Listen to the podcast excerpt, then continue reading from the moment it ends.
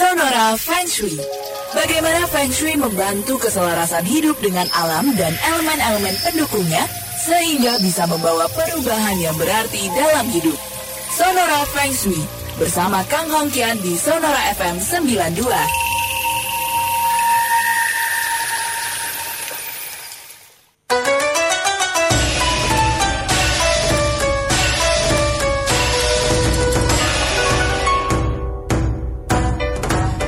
Sudah pukul 19 malam di hari Jumat, hari ke-16 di pukul eh hari di pukul 16 April 16 bulan 4 2021 saatnya Feng Shui dan kami pun sudah tersambung bersama Pak Kang pada malam hari ini. Selamat malam Pak Kang.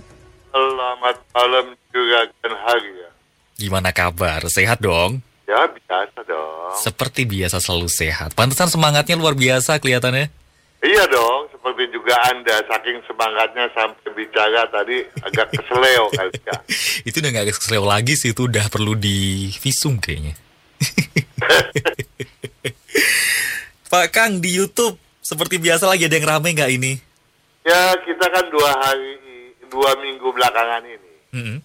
Dua minggu terdahulu kita bicara masalah ruang dapur ya, kompor yang bersandar pada dinding kamar mandi uh, WC. Uh, uh.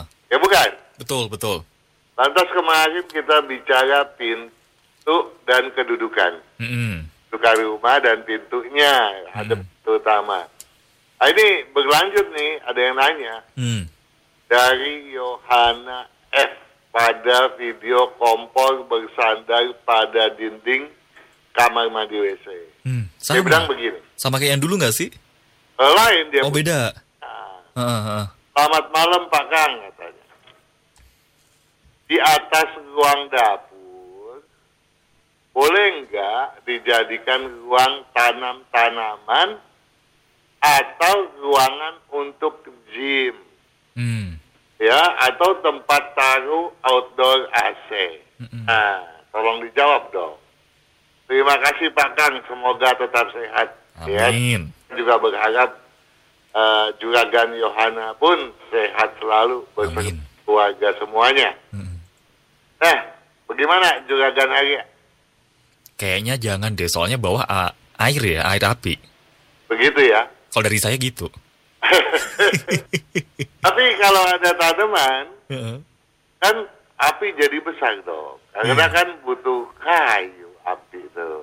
Tanaman padahal ada hijaunya. Nah, gini deh, yang Ya, memang yang yang penting kan hmm. kita uh, berusaha meletakkan uh, ruang dapur itu pada daerah timur, tenggara atau selatan itu yang paling ideal. Hmm. Atau pada daerah barat itu juga oke okay, atau barat laut. Jangan pada barat daya timur laut. Gitu? Apalagi pada posisi sektor utara. Hmm. Kenapa sektor utara nggak boleh? Karena di sana tempatnya air. Hmm. Nah, okay. kalau di timur tempatnya unsur apa tuh juragan? Api nggak sih? Berkayu. Eh kayu. Tahu. Di selatan ada api. Di hmm. tenggara juga kayu dong ya. Oke. Okay. Sekarang kalau kayu tanaman ada di atas ruang dapur, boleh nggak? Boleh. Ya. Nah kalau untuk gym, nggak ada masalah.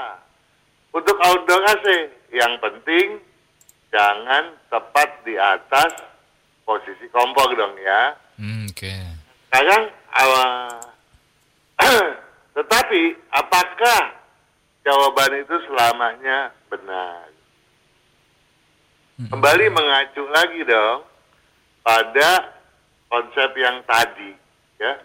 Kalau uh, ternyata ruang tidur itu eh ruang tidur. Jadi ruang saya ngaco ya. Nular. Nular.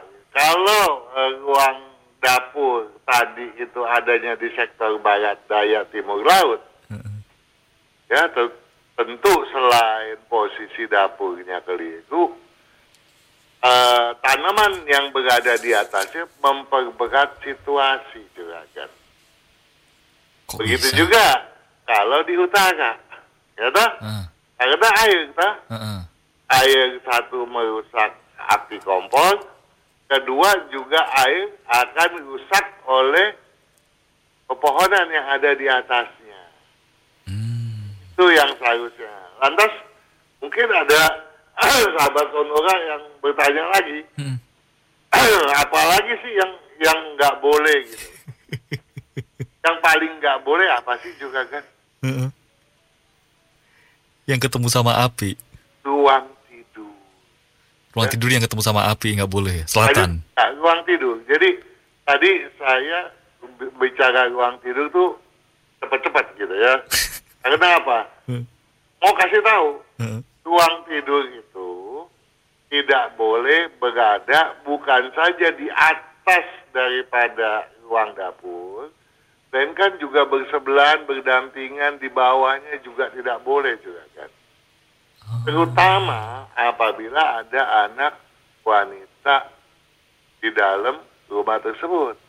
Ya, Kenapa? nah tentu akan mengganggu paling tidak perjodohannya. Oh, Si jodohnya bukan yang nggak mungkin da nggak dapat, Mm-mm. bisa aja dapat. Tapi mungkin yang didapat itu belakangan ya bikin sakit hati lah. Hmm, hmm, hmm. Nah kan kita nggak berharap seperti itu. Betul. Kemudian ada yang bilang, oh bahkan, tapi kan yang menempati kamar tidur di atas dapur itu pembantu saya loh. Atau kakek saya loh. Sama aja. Siapa pun yang menempati, yang terkena dampaknya adalah anak-anak dan khususnya anak wanita. Ya, Ah, pada anak yang lain itu juga bisa mengganggu eh, kemampuan belajarnya, daya tangkapnya itu akan terganggu. Nah, bagaimana menyiasatinya? Mungkin kita perlu nanti kita ada satu eh, saat kita bicara itu, ya, tapi tidak pada saat yang satu ini. Kita mau langsung dulu, apalagi yang tidak boleh, hmm, ya. Yang tidak boleh juga adalah kamar mandi WC. hmm. Nah, dia nggak boleh di bawah dapur, dia juga nggak boleh berada di atas dapur. Kalau berdampingan, nah kalau berdampingan kita sudah bahas tuh minggu yang lalu, toh? Hmm, hmm, hmm. Apalagi yang nggak boleh, gudang yang untuk menyimpan barang-barang yang berantakan. Kenapa tuh? Mudah kebakar ya? Bukan. Kalau gudang yang berantakan itu sajinya ngawur. Eh, sajinya, energinya ngawur. Energinya ngawur. Dipancarkan adalah saji. Ah, Itu adalah energi pembunuh. Tapi kalau gudang itu rapi, teratur, yang terpancar adalah sensi. Energi positif. Hmm. Tidak masalah. Jadi, nggak selamanya gudang tidak boleh berada di atas atau di bawah ruang dapur. Hmm. Ya. Nah, kemudian ada lagi yang bertanya, kalau toren air nih, hmm. boleh nggak? Kalau toren itu yang biasanya kita sebut toren tuh adanya di atas loh juga. Hmm. Ya, biasanya juga dipakaikan apa tuh menara gitu loh. supaya gravitasinya bagus. Makin tinggi juga ya. Nah, semakin tinggi menaranya, maka air yang turun ke kamar mandi kan semakin kencang. Kan? Betul. Nah, sepanjang toren air itu tidak berada langsung di atas posisi kompor, Mhm. tidak masalah. Nah, kalau eh, tempat penyimpanan air itu merupakan gronteng, bagaimana? Kalau gronteng kan adanya di bawah ya, di ground. Hmm. Ya, kalau dia di bawah dapur, boleh nggak juga kan? Nggak boleh. Nggak boleh juga ya. Kalau kok pakai juga? Kan yang atas nggak boleh tadi. Nggak Eh, boleh kalau di atas Kompor, kompor. Maaf, maaf, Kompor. maaf, maaf. jangan keliru kita. Ya, benar-benar kompor, kompor. Kalau gronteng tidak di bawah kompor pun tidak boleh. Sepanjang dia berada di area dapur, Hah? sebaiknya dipantangkan. Jangan sampai kita membuatnya seperti itu. Begitu pula keran air. Mm-mm. Ya, jangan ada di atas posisi kompor. Nah, kalau keran air aja nggak boleh, Berarti apalagi yang nggak boleh? Apa ya berarti? Tempat piring? Kan keran deketannya sama tempat piring biasanya. nah, tapi ya tempat piring mana mungkin terpisah di atas sih? Iya sih. Oh iya. Mestinya dia nggak dapur dong ya. Oh iya. Satu, masa ya ada tempat piring di atas? Jadi ini maksudnya di atas tuh di lantai atas loh ya. Oh, saya kira masih satu lantai sama dapur. Udah enggak ya? Enggak, kan ini tadi pertanyaannya tanam-tanaman tuh di lantai atas bukannya Hmm, Oh iya. kalau nanam di atas kompos tuh tanaman juga geseng loh. Kering. Kering. Bakar. Ampun juga agak. nah, ah, mungkin Anda mau bertanya juga, kalau ruang kerja boleh nggak? Hmm, gimana tuh Pak Kang? Nah, dalam konteks ruang kerja dan ruang belajar nih. Hah. Ruang kerja dan ruang belajar itu harusnya berdasarkan eh, analisis yang sifatnya pribadi loh ya. Maksudnya pribadi? Jadi kita harus menghitung dari data kelahiran yang lengkap Hmm. terhadap kepala keluarga. Di mana posisi yang baik, yang sifatnya positif, Mm-mm. dan di mana sektor yang sifatnya negatif. Yang namanya dapur itu harus di area negatif. Sedangkan kalau ruang kerja dan ruang belajar seharusnya berada di ruang Positif. positif. Lawannya. Jadi kalau ada ruang belajar atau ruang kerja berada di atas atau di bawah daripada ruang dapur, Mhm. mestinya ada yang salah dong ya. Negatif positif ya? iya. Nah, eh, yang salah bisa ada kompornya ya, dan bisa ruang dapur ya salah posisi. Mm-mm. Ternyata yang benar ruang kerjanya. Hmm. Nah, kalau ternyata itu ruang eh, untuk ruang dapur, maka ruang kerjanya lah atau ruang belajarnya yang keliru dong ya.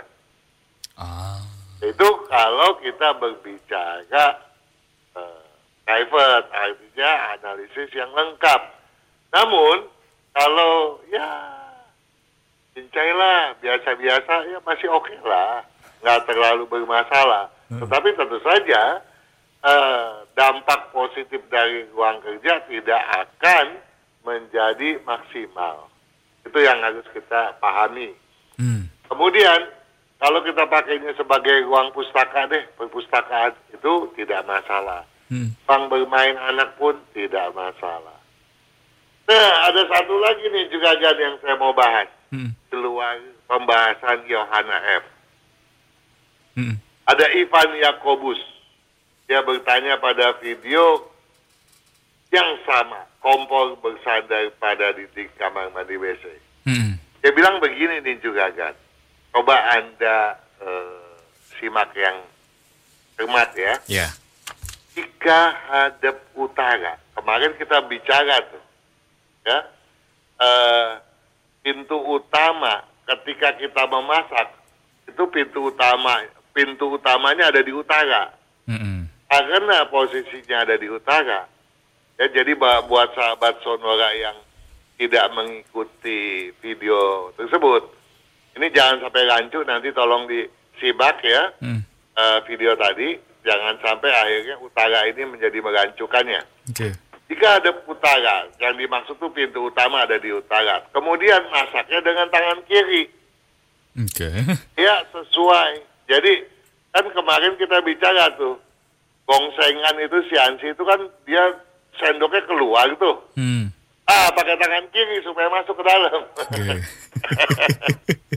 ya, itu dibilang di video tuh pada menit ke 11.28. Eh, Nah, menurut Anda juga Gan Harya Bima, apakah itu bisa dianggap sebagai sebuah solusi? Enggak. Kenapa? Karena tangan kiri nggak baik. Bukan tangan kiri nggak baik. Tentu dalam konteks ini, Hmm. Kalau dari sudut pandang saya, kedua tangan tuh sama-sama Haikatnya itu sama. Berarti diganti tangan sisinya nggak masalah.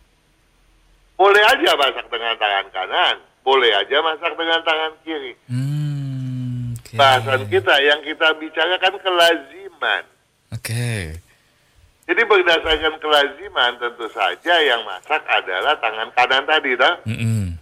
Jadi walaupun yang masak dengan tangan kiri, tentu itu adalah keliru dan tidak bisa dianggap sebagai sebuah solusi. Oke. Enggak lazim, toh. Iya. Memang ada orang yang masak dengan tangan kiri, tapi dalam konteks bahasan kita ini, yang menjadi kelaziman adalah memasak dengan tangan Kanan. Tangan kanan dan tangan kiri. Menurut pandangan saya, saya hakikatnya tentu saja tidak berbeda. Oh, oke, oke, oke, oke. Dicatat itu berarti sahabat Sonora ya. Nah kita berarti langsung ke ini ya Pak Kang ya. Boleh saja, Sahabat Sonora yang bergabung. boleh saja juragan. Yang penting kan apa yang sudah ditanyakan sudah kita bahas. Mm-mm. Di lain waktu kita mau bahas yang tadi itu. Bagaimana sih solusi supaya anak wanita memperoleh jodoh dengan lebih mudah? Atau kalaupun dapat tidak mengecewakannya kelak gitu lah. Yang nggak dikasih dapur tadi ya, di atas dapur tadi ya. Betul. Siap, minggu depan kali ya Pak Kang ya. Oke. Ini yang pertama Pak Kang, ada pertanyaan dari Dian. Dari Dian, Dian, Dian wanita betul, perempuan. ya sebab Dian adalah laki loh. Benar, saya punya klien malah seorang dokter itu namanya Dian. Hmm, Hah? oke oke, tapi yang ini cewek sih, wanita. Oke. 18 Januari, 18 bulan 1, tahun 83. Tahun 83. Mm-mm. 18 Januari 1983. Betul. Jamnya Pukul 5 lewat 16 5 lewat 16 pagi. pagi. Pak Kang, ini apakah jodoh saya itu nggak ada? Soalnya ada beberapa laki-laki, tapi nggak ada yang serius arahnya. Kalau misal ada, ini, eh, kalaupun misal ada, ini ada cowok yang lahirnya di 6 bulan Juli tahun 87. Cocok nggak Pak Kang? Bulan 7 Tahun 87, tahun 87 cocok nggak itu? jamnya nggak tahu. Nggak ada. Nah, ya kita eh, berandai-andai aja deh ya. Hmm, Yang satunya sio kelinci itu itu nggak ada namanya toh. hmm, hmm. Nah, penanya bersio anjing. Antara sio kelinci dan sio anjing tidak ada ciong, tidak ada eh, perbenturan apa pun. Hmm. Ya, walaupun dari data yang lain saya melihat ada sedikit ciong, tapi belum tentu itu betul karena satu eh, yang paling terpenting adalah jamnya itu nggak ada, gitu ya. Hmm. Nah, eh, yang kedua, saya berharap eh, kepada Dian untuk tidak terlalu serius dulu nih. Sama si 6 Juli nih. Ya, karena apa? Karena eh, Yo anjing kan lagi ciong ya di tahun kerbau logam ini. Hmm, oke. Ya. Iya, apalagi Dian ini kan gampang kena rayuan. Rayuan Aduh, kelapa tuh bukan main. rayuan kelapa, seger itu mah. Jadi kita mesti waspada bagi yang ciong gitu maksud saya ya. Mm-mm. Eh, eh, jadi eh, sabar-sabar dulu ambil eh, Dian itu misalnya coba deh untuk memahami laki-laki ya kan Dian yang ngadepin nih Mm-mm. apa yang kurang dari dirinya atau apa yang menjadi handicapnya Mm-mm. itu bisa dilihat dari apa kelebihan karakternya. Jadi Dian sebaiknya menyimak eh, video eh, mendobrak hambatan jodoh. Oke. Lagi pula di video itu ada beberapa catatan mengenai feng shui yang eh, kalau terjadi pada rumah yang dihuni oleh Dian, tolong segera diperbaiki agar segera memperoleh jodoh yang berkesesuaian. Oke. Nah, bahkan kalau soal kerjaan, bagusnya kerjaan apa yang menghasilkan? Soalnya pernah beberapa kali investasi malah buntung, terus sekarang jadi kelit utang. Nah, ini solusinya gimana supaya cepat selesai masalahnya, Pak Kang? Ya, eh, Dian juga sebaiknya kalau begitu menyimak video feng shui bisnis ya. Hmm. Dan juga sudah diupload pada channel FSA. Nah, yang penting Dian itu eh, cocoknya eh, bergerak di bidang berunsur api dominan, logam dominan, air dominan, atau campuran daripada kedua atau ketiga unsur tersebut. Nah, sekarang pertanyaannya, jadi saya yang mau bertanya, Oke. Dian tinggal sama siapa? Gitu. Apakah sama orang tua? Ya, biasanya eh, dan sering kali kegagalan itu karena faktor rumah, kekeliruan rumah sangat besar. Jadi kalau bisa untuk hal yang satu ini, nanti Dian telepon deh ya, kalau pas sempet ya supaya saya bisa tahu kenapa kok bisa sampai kelilit hutang begitu. Oke. Ya karena banyak aspek. Heeh. Nah, karena rumahnya keliru posisi. Kemudian apakah banyak toh video yang sudah kita upload, misalnya dari depan eh, kita masuk ke ruang tamu, di daerah ruang tamu ada kamar yang pintunya menghadap ke langsung ke ruang tamu, Mm. itu akibatnya apa? Kena tipu melulu. Kalau kena tipu melulu, bukannya kemudian kelibet utang.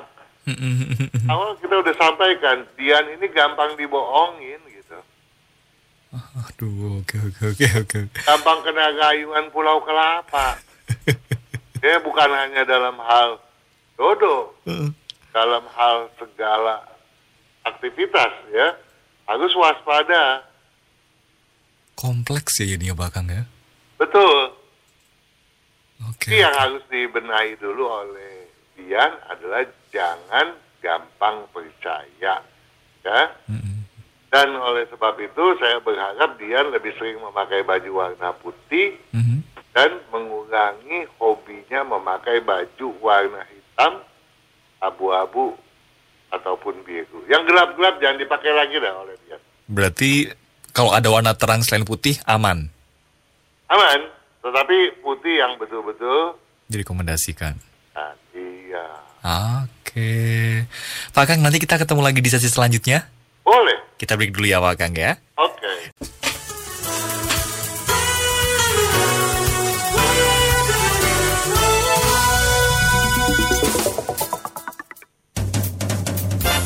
Sonora FM 92 Jakarta, a part of KG Radio Network.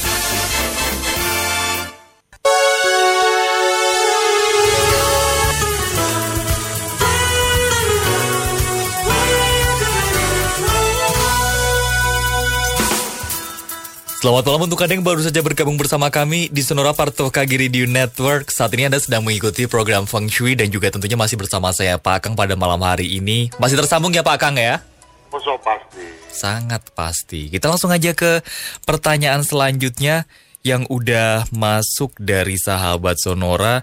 Pak Kang, ini ada pertanyaan dari eh, pasangan suami istri yang cowok namanya Jodanto.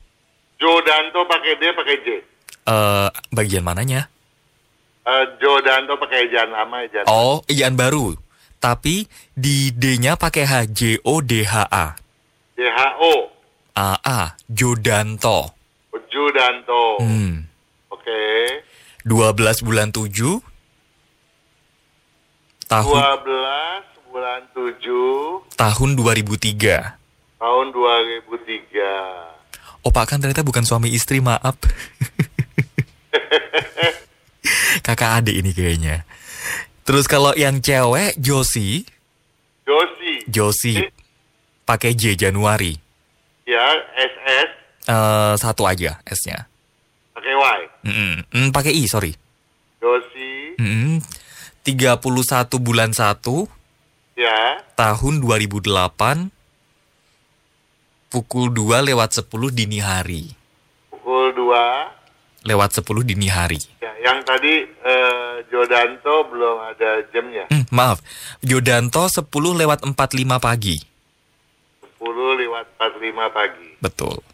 Kalau mau usaha, bidang usaha apa yang paling cocok untuk masing-masing Pak Kang? Oh, oh, ini saya khawatir. Kenapa Pak Kang? Karena saya khawatir semangatnya memang tinggi banget. Kedua-duanya nih, Dua-duanya. wah aktifnya luar biasa. Nggak bisa diem gitu ya. Malah bagus dong Pak Kang?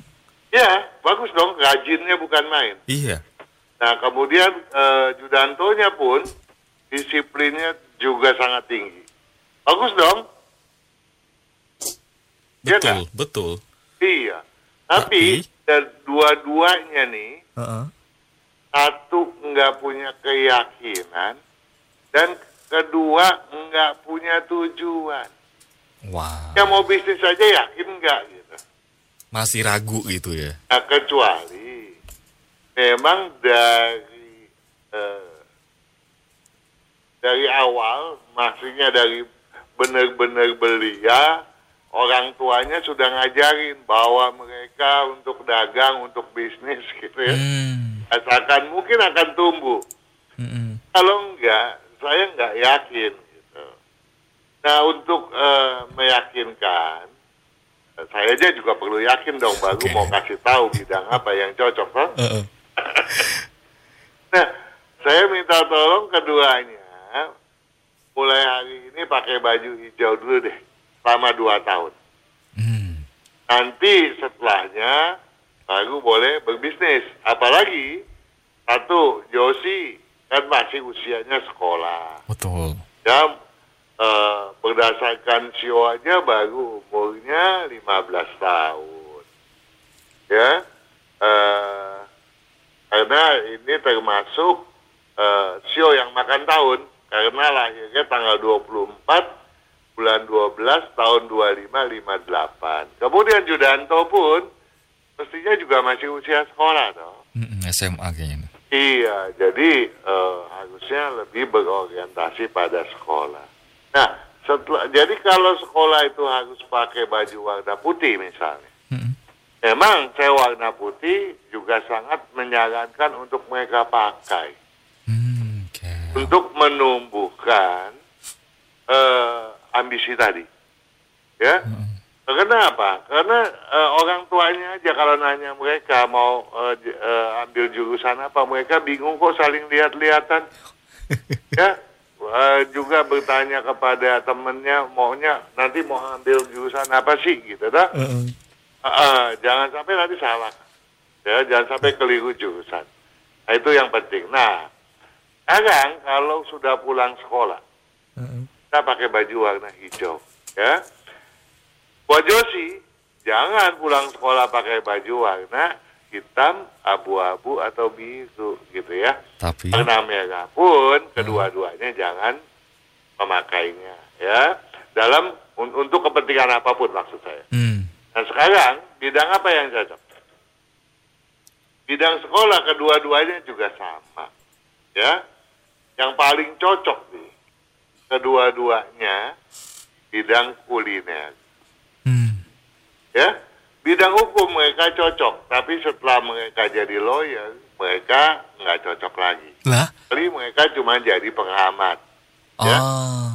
Nah, yang paling cocok buat Judanto dan Yosi selain mengambil kuliner, Mm-mm. justru ke bidang mechanical, electrical, ya. Jadi nanti setelah lulus ambil bidang apa, bisnisnya apa? Eh, ah, bidang mechanical, electrical juga gitu ya, dunia hardware. Nah Hmm. kalau lihat di buku bidang apa? Campuran api ber- eh, dengan logam gitu ya. Oke. Namun demikian Judanto pun cocok ke bidang pastry ya, cocok juga ke food tech, eh, Josi enggak. Masing-masing punya bidang masing-masing ternyata ya. Iya, jadi tapi sama kok dua-duanya. Heeh. Hanya cuma Yudanto ada bonus untuk memasuki bisa memasuki bidang agrobisnis gitu ya. Gak cocok ke food tech ya, cocok juga ke uh, esprit begitu toh. Oke. Kalau ini Pak Kang, rumah sudut hooknya ini yang cocok apa? Kalau beli rumah nanti? Kalau beli rumah nanti, Mm-mm. ya sebaiknya nanti dulu kali ya. Tahan dulu ya. Kan dulu, wal, jadi uh, masih ada tugas dari saya untuk pakai baju warna hijau dulu. Jangan terburu-buru nafsu deh. Sabar dulu ya. Iya, Oke. Pak Kang, tapi kita harus break dulu ini, nggak apa-apa ya? boleh boleh. Siap. Tetap bersama kami sahabat Nora di Feng Shui. Sampai nanti pukul 20 malam masih ada satu sesi lagi.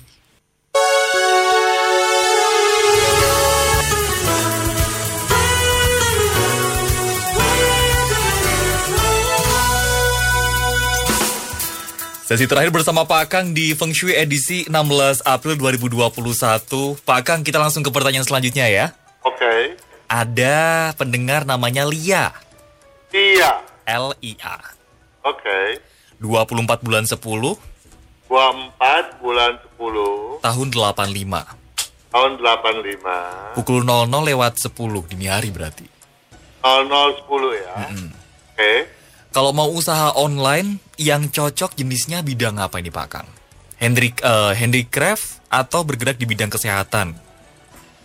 Eh, sebetulnya dia bergerak di bidang banyak hal itu cocok. Oke. Yang cocok yang berbahan baku kayu. Apa pun yang unsurnya dari kayu nggak cocok. Hmm, Lain semuanya cocok. Ya. Apa aja yang bahannya unsur kayu silakan lihat di buku. hmm. Tetapi dari sekian banyak yang cocok, yang paling cocok adalah yang berunsur tanah dominan. Tadi dikatakan apakah yang bagian kesehatan? Hmm, Pak, tadi sebetulnya itu yang itu saya salah nyebutinnya. Saya pikir handicraft, ternyata dia maksudnya handicraft tuh handicap kayaknya. Oh, Jadi- handicap. Itu dua itu nanti aja nggak apa-apa. Terus kemudian apa dia dia tadi bidangnya apa? Eh, nggak nyebutin sih, cuma usaha jenisnya bidang apa. Terus habis itu kan selanjutnya tuh ada mau nyebut, saya baru ngeh, dia itu mau nyebut handicap, tapi nyebutnya handicraft. Saya pikir mau kerja online handicraft. Maaf, maaf rancu Pak Kang. Nah, nggak masalah. Jadi eh, itu yang yang paling cocok adalah yang berunsur tanah dominan. Hmm. Nah, kemudian eh, handicapnya adalah eh, gampang keras kepala, walaupun tidak fatalis, juga gampang mudah tersinggung. Nah, ini yang harus di eh, minimalkan dan gejot stamina untuk semangat. Itu aja kok. Kalau itu bisa, kemajuannya sangat luar biasa untuk Lia ini. Ah, oke. Nah, yang penting utamakanlah bidang berunsur tanah dominan. Oke. Kalau kesehatannya Pak Kang? Jaga aja bagian jantung, jangan banyak begadang gitu ya. Mhm.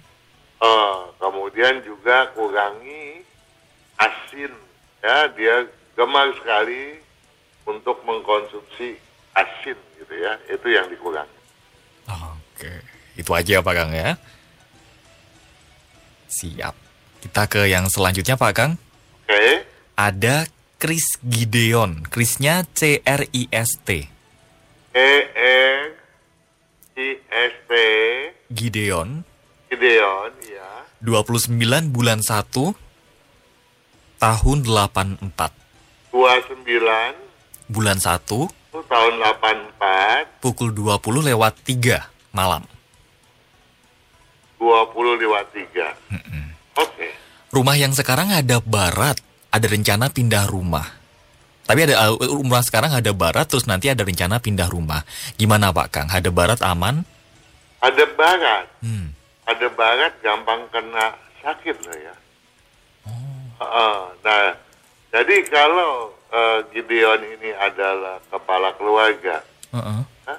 tentu bisa jadi selain dirinya, anggota keluarga yang lain pun eh, gampang didera berbagai macam masalah, kalau tidak ya sakit penyakit gitu ya. Hmm. Iya. Berarti nanti kalau ini kan ada rencana pindah rumah, lebih baik nyari yang hadap mana berarti Pak Kang? Sebaiknya menghadap ke timur laut atau ke timur. Itu ya, timur laut atau timur ya. Betul. Nah, terus kalau pekerjaan yang cocok di bidang apa selain restoran Pak Kang? Eh, dia sudah tahu itu restoran paling cocok ya. Yang kedua campuran api logam Ah. ya. ap- jadi restoran memang yang paling cocok. Padahal di sini ada kata-kata selain restoran, tapi ternyata restoran malah cocok ya. Iya. itu yang paling. Yang paling banget. Iya, hanya saja kalau dia masak, Heeh. tolong pakai garamnya ya, jangan keterlaluan. Dia tuh gila dua hal. Paling nomor satu dia gila asin gitu ya. Dua manis. Oke. Nah, kalau as, eh, asam sama pahit dia kabur gitu. Hmm. Ya. Nah, jadi satu hal di sini, dia memang disiplinnya bagus, cuma semangatnya harus ditingkatkan. Namun demikian, dia pun harus eh, mengatur eh, apa istirahatnya dengan baik. Ya, namun ketika istirahat, tolong jangan gampang melamun. Eh, kalau dia istirahat aja sebentar aja dia udah langsung bisa ngelamun. Oke, oke, oke, oke. Kalau tadi pekerjaan yang selain restoran di bidang logam tadi ya, Api logam. api logam. Oke, nanti silahkan bisa dikepo di YouTube-nya Pak Kang itu. Api logam pekerjaannya apa ya Pak Kang ya? Buku ya. Oh buku juga. YouTube nggak ada tuh bidang-bidang itu. Oh buku berarti. Nah mampir beli sekalian ini. Kalau istrinya Wahyu Wulan, Wahyu, Wulan. Wahyu bulan. Hmm. Oke, 12 bulan 10 12 bulan 10 tahun 89. tahun 89, Pukul 21 lewat 30 malam. 21 lewat 30. Hmm. Ini pekerjaan di restoran gimana Pak Kang? Cocok nggak? Cocok dong. Cocok juga. Iya, kedua-duanya ini memang cocok di restoran sama kok ya. Dia cocok di restoran. Cuma kalau eh, Gideon nggak cocok di pastry, ya Wulan cocok gitu ya. Hmm. bikin kue-kue masih oke gitu ya. Nah bidang api logam kedua-duanya juga cocok gitu. Nah kalau Bulan bisa diandalkan tuh dia punya eh, aktivitasnya tinggi gitu ya, gesit gitu ya. Mhm. Dan juga, cuma ya itu dua-duanya hobi manis gitu ya. Walau untuk garam Bulan tuh oke. Heeh. Nah, tetapi untuk kedua-duanya mau maju, saya berharap kedua-duanya eh, mencari eh, posisi rumah yang cocok dahulu. Hmm. Tentunya hitungannya kan terhadap Gideon dong ya. Ya. Kalau sudah dapat posisi yang cocok, sesuai apa yang tadi sudah disampaikan, ada posisi tenggara rumah, Hmm. tolonglah kalau ada eh, eh, area di luar rumah, tolong bikin kolam ikan. Tapi kalau enggak, tolong eh, pasang akuarium yang lumayan, jangan terlalu kecil gitu ya. Hmm. Nah, sisi tenggara ya, Hmm. ke sektor tenggara. Oke. Eh, siapa lagi? Itu tadi. Itu aja sih tadi Gideon sama Wahyu. Tinggal satu menit aman nggak ya Pak Kang ya? Boleh? Boleh ya. Ini ada pertanyaan sharing ke sekalian deh ini satu eh satu bidang aja. Denny D E N N Y. DE? D E N N Y. Oke. Eh, tiga bulan 4 Tanggal 3 bulan 4, tahun 84 tahun 84, pukul 18 lewat 45 18, lewat 45. oke. Sekarang kerjanya di pabrik beton. Cocok nggak Pak Kang? Karena eh, terus kalau tahun ini mau pindah kerja gimana? Di pabrik beton, Hmm. kerjaan yang cocok buat Denny. Ya. Ah. Dengan catatan, di beton tersebut dia bukan menangani pembesian, tapi pembetonan. Oke. Nah, tetapi kalau ditanya lebih lanjut, Denny itu memang nggak cocok bekerja pada orang lain. Ya, dengan atasan bisa sering kali tektok gitu ya. Hmm. Kenapa? Karena kemampuan Denny untuk memimpin itu sangat besar. Ya. Jadi di tahun ini kan tikus lagi bagus nih. Betul. Ya, sio tikus bagus mulai uh, berbisnis ya. Di- kalau enggak ya paling tidak di tahun depan lah. Bagus dimulai karena tahun depan pun Denny tidak kiong. Yang penting Denny kurangi uh, sok taunya Mhm. dan tingkatkan semangatnya. Kalau dua itu bisa di eh, kendalikan dengan baik dan benar, dan kemudian dia berusaha di bidang berunsur tanah atau air atau campuran daripada keduanya, Hmm. bohong kalau dia nggak cepat sukses menjadi orang besar. Wah, mantap. Oke Pak Kang. Tapi sayangnya kita harus pamitan Pak Kang. Oke juga kan Arya. Ketemu lagi minggu depan ya. Sampai minggu depan, Selamat. sukses selalu dan selamat malam. Selamat malam. Terima kasih sahabat Nur atas kebersamaannya. Ketemu lagi di Feng Shui minggu depan dan selamat malam.